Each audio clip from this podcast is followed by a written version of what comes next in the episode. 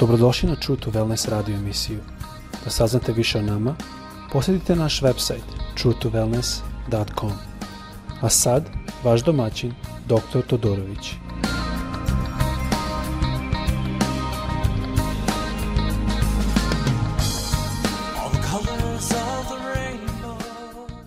Ljubazno dobrodošli na naš podcast, pozdravljam vas iz Srbije, odakle radimo ovaj podcast. Ovo je sada treći dao gde gledamo na priču Isusovu iz Mateja 13. glava 24. stih. Ovo je priča da e, Isus nam govori o jednoj njivi i gospodar te njive koji je posio dobro samlja, seme, a noću je došao neprijatelj i taj neprijatelj je posla, posijao kukolj. I što je ovdje vidimo i što, o čemu smo govorili u oba dva, oba dva epizode, o drugoj malo možda više o tome nego u prvoj, je da je prvo gospodar znao šta je neprijatelj uradio i ništa nije uradio tome jer je znao da ima velika šansa da, da se izvadi žito sa kukoljom, on to nije hteo. To nam isto pokazuje ljubav gospodnju za nas, ali isto vidimo da on to znao i dopustio da kukolj raste sa žitom, sa pšenicom i da eventualno na kraju u žetvi se odvoje jedno drugog.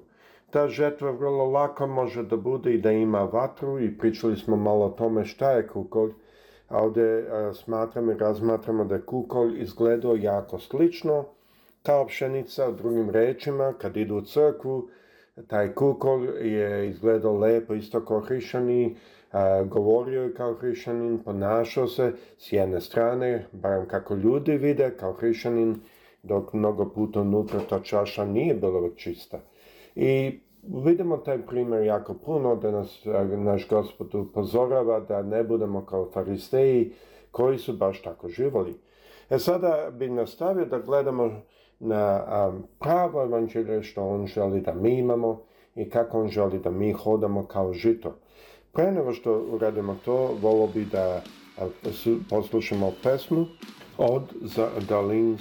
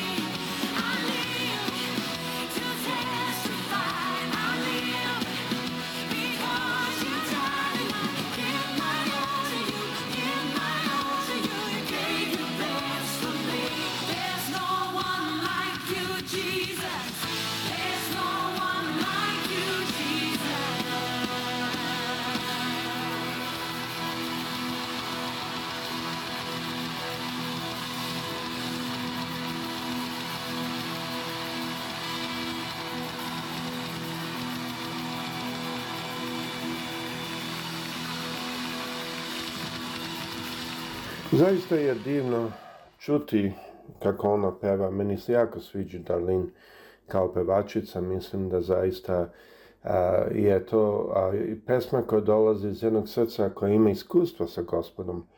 kao što možda znate, ona je imala rak i gospod je pomogao da prođe kroz to. Tako da mnoge njene pesme nose jednu tu poruku Sad bih želio da nastavimo malo na naše posmatranje ove priče i kako Isus želi da mi hodamo i kako On želi da se mi ponašamo.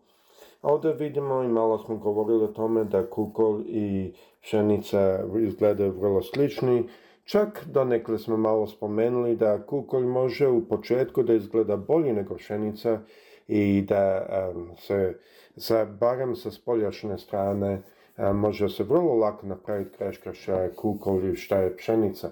Isto možemo e, gledati, malo smo razmatrali razne stvari što su došle sa ovom pandemikom, e, da je COVID, kao što znate, mnogi su umrli i isto kao što znate, mnogi hrišani su slali poruke o kako ne smo uzimati vakcine, kako ne treba ići kod doktora, malo sam spomenuli to i spomenuli koliko to smrti izazvalo jer se pokazalo da vakcina je spasla milijone života i isto se pokazalo da ako ljudi idu kod doktora, a, pošto neki put u, sa covidom krisonik a, stane, a mi ne znamo, a smanji se, onda mnogi ljudi put prosto dobro su, dobro su i put umru a to je zato što kiselnik e, stane. Čak znamo, a ne znam ako ste pratili u Indiji, e, jedan, e, jedna, jedna bolnica je pokazala da kad je kamion koji je nosio kiselnik došao samo 10 minuta kasnije nego što je stal, stala isporuka kiselnika pacijentima 13 pacijenata su umrli dok su čekali tih 10 minuta, znači nisu mogli tih 10 minuta da prežive. Toliko je bitan kiselnik. E sada, normalno u početku te bolesti mnogo puta ljudi imaju manja kiselnika, a baš ne znaju. Tako smo malo govorili o tome, samo da pokažemo u kom duhu su bile te poruke što je YouTube e, imao i svi mi koji E, smo to čitali ili naišli na to i oni koji su to dalje slali. Imamo neku odgovornost, ima puno hrišana koji su umrali zato što su slušali te poruke, nisu uzeli vakcine i ja znam, baš trenutno razmišljam o jednom bratu koji je dobio COVID u oktobru, on je htio da uzme, ja sam to s njim često razgovarao, on mi je baš eh, bio rekao da je on hteo da njegov bračni drug isto uzme, a njegov bračni drug, njegova žena, koja je imala divan duh i divno srce, je nažalost eh, čitala puno takvih stvari i eh, u, efektu što se desilo je da COVID je naišao pre nego što on stigao da uzme vakcinu i on mi je pokazivao svaki dan, da se dobro osjeća to sedmi dan, ujutro mi je poslao da se dobro osjeća, uvečer bio otišao u bolnicu i nije se više potpuno probudio i kad iz toga. to su situacije da ja tu ne krivim ni jednog ni drugog, nego krivim sve te poruke i sve oni koji su slali takve poruke koje su sijali laž. Znači to ne smemo činiti. E sada, Kakav život gospod želi da imamo? Znači, pričali smo puno o tome što ne trebamo da radimo i što ne trebamo da imamo. A e, sada šta treba da imamo? U prvoj epizodi sam spomenuo stih na koji ćemo sada se fokusiramo više. Remljanima 8.15 kaže ovako Niste najme primili duha robovanja, a da opet strahujete, nego ste primili duha usinjenja kojim vićemo Aba oče. Ovo je jako bitno jer mi znamo da u starom zavetu bio je zakon. Taj zakon je radio kroz strah. Ako ovo i ovo ne učiniš, ove posljedice će, će biti. Dan danas mi imamo zakon koji radi na princip ako voziš previše brzo, policajac može te zaustavi. Ja sam jučer bio zaustavljen od strane policajca i on je gledao da li sam ja uzimao alkohol. Pa hvala Bogu ja ne pijem. I onda ja sam rekao da nisam uzimao alkohol i on to nije e, uzeo moju reč na to, nego mi je dao da, da nešto. Ja sam duvao i on je bio zadovoljan. Um, to je način na koji radi zakon. I zakon je specifičan, on procenjuje e, ono što smo radili. Mi ne možemo reći, pa ovdje sam radio dobro, ovdje loše, pa neki prosek. To ne radi ništa više nego da kažemo kad nas zaustavi policajac, pa nato šta, ja sam vozio brzo, ali ne bi trebali da mi date kaznu jer sam danas bio dobro u crkvi. Evo, znate što će vam on reći? On će reći, pa dobro je si bio dobar, ali to nema veze. Nisam ja tebe zastavio što si bio dobar u crkvi, ono što se vozio brzo. Znači, u zakonu nema to jedno za drugo, nego ono što se učini mora da se plati. A problem u zakonu je da mi kao hrišani, to jest kao ljudi, ne možemo platiti. I zato je Isus umro za nas, da bi On doveo i otvorio vrata da se mi nazovemo sinovi Božiji. Sada znači izlazimo iz duha robovanja, nismo više u duhu robovanja, više nismo u zakonu, kaže pa da opet strahujete. Na engleskom kaže u kome se nalazi strah, malo bolje objašnjava, nego ste primili duha usinjenja kojim vičemo Aba oče. Ovo je jako bitno, ja često govorim o ovom stihu je jako je bitno. Prvo, mi smo primili duha koji nas vodi da budemo deca Božja. Drugo, deca Bože nisu izabrana zato što su najbolja ili nekako bolja od svih drugih. Mi nismo, mi smo prosto izabrani zato što je On iz njegove volje htao da izabere nas. Evo kako to ide otprilike. Ja sam usvojio jednu devojčicu. Ja je nisam usvojio zato što je ona najbolja u školi. Ona nije bila najbolja u školi, sad je. Sad je postala. Hm, postao mi jako bliska, malo te ne bliže nego ne mogu da vidim da bi mi bila bliža nego, biološka deca. Znači, ja kad sam je usvojio, ja nisam osvojio zato što ona najbolja, niti sam je osvojio zato što ona perfektna. Ja sam je usvojio zato što ja nju volim. Nema ništa veze sa njom. Ali stvar je da je ona trebala i ona je rekla da ja hoću. I to je ono što gospod čeka od nas. Ne da budemo perfektni, ne da budemo nešto, neke anđeli, nego prosto da kažemo da gospode ja hoću da budem tvoj sin. To je sve. I druga stvar što morate znati, što su meni isto rekli na sudu kad sam usvajao ovu djevojčicu, je da usvojenje ne može da se vrati nazad. U drugim rečima, ja ne mogu da se naljutim i da kažem ti nisi više moja djevojčica zato što sam se ja danas naljutio. Svakako, ako se tako ponaša, taj neko ne bi trebao biti otac. Ali u svakom slučaju vidimo da Bog ne radi tako, nego Bog e, isto tako kad nas usvoji, tu nema više nazad. Nema veze ako mi padnemo. Normalno, ako ti padneš, ti ćeš imati i posljedice toga. Znate kako, ako malom detetu kažete na ne takneš pored, ako on takneš pored, vi ga nećete uzeti i ubiti. mislim, to je smešno, zar ne? A Isus kaže, ako vi zli budući znate kako da dajete dobre darove vašoj deci, kamo li više Otac vaš nebeski? Kamo li više Otac vaš nebeski? Znači, ako ja gledam na mog nebeskog oca, mislim da će on mene da ubije samo zato što ja nisam nešto dobro radio, ja ga stavljam ispod stepena zemaljskih očeva koji to ne bi radili. Sad vi vidite da se mi nalazimo. Znači, to isto ne može. Mi onda ne razumemo našeg nebeskog oca. Mi moramo da postanemo deca Božja. E, kaže, duha usinjenja kojim vičemo Aba oče. Aba znači tata, ne otac, znači tata. Sada, zašto to gospod radi? Zato što on je rekao da on hoće da njegova riječ upisana u našim srcima.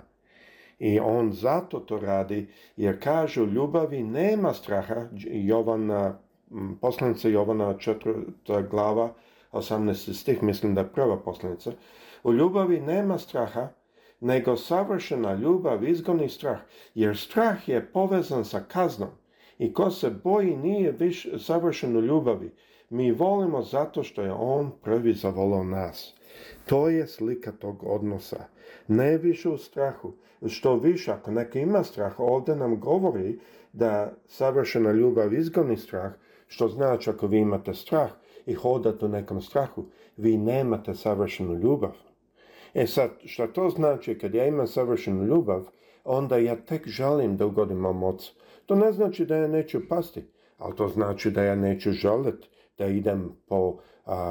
Eh, diskotekama i takvim mjestima. Ja to neću želiti jer to nije nešto što pripada mojoj familiji i mojoj novoj familiji u koju sam sada ušao. I to je jako bitno da shvatimo. I onda kada imamo tu prvu ljubav, kad imamo tu ljubav od njega, onda njegove zapovesti budu napisane u našim srcima. Kao što to piše u knjizi Jevrejima ili kako mi kažemo Hebrews na engleskom. Tu nas eh, gospod uči da on želi da napiše njegov zakon na našim srcima. Zašto? Zato što jedino na taj način on može da nam da da hodamo dublje u na što smo ikad mogli. Mnogi misle da u blagodati kad hodaš da je to nešto mogu da radim sve. Obrnuto je. Isus je rekao u evanđelju da vi ste čuli nemoj počiniti preljubu, a ja vam kažem, onaj ko pogleda, znači on, kada dođemo blagodat, on očekuje od nas dublji stepen, ali to nije teško, zato što njegova zapovest napisana našim srcima i mi ne želimo da grešimo protiv. Što to znači u efektu? Je da ja ako negdje padnem, to neće biti namjerno, zato što ja želim da njemu služim. To ne znači da ću ja biti perfektan, ali to znači da ti plodovi koje ću ja imati i koje imam, dolaze ne zato što ja veštački stavljam te plodove na prvo nego zato što moje srce ljubi mog gospoda. Gospod sa svima vama prijatno.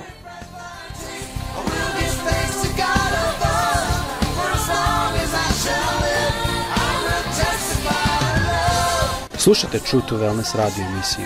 Pridružite nam se ponovno. Za kontakt molimo posjetite naš website kontakt Naša e-mail adresa je info at true2wellness.com. Hvala.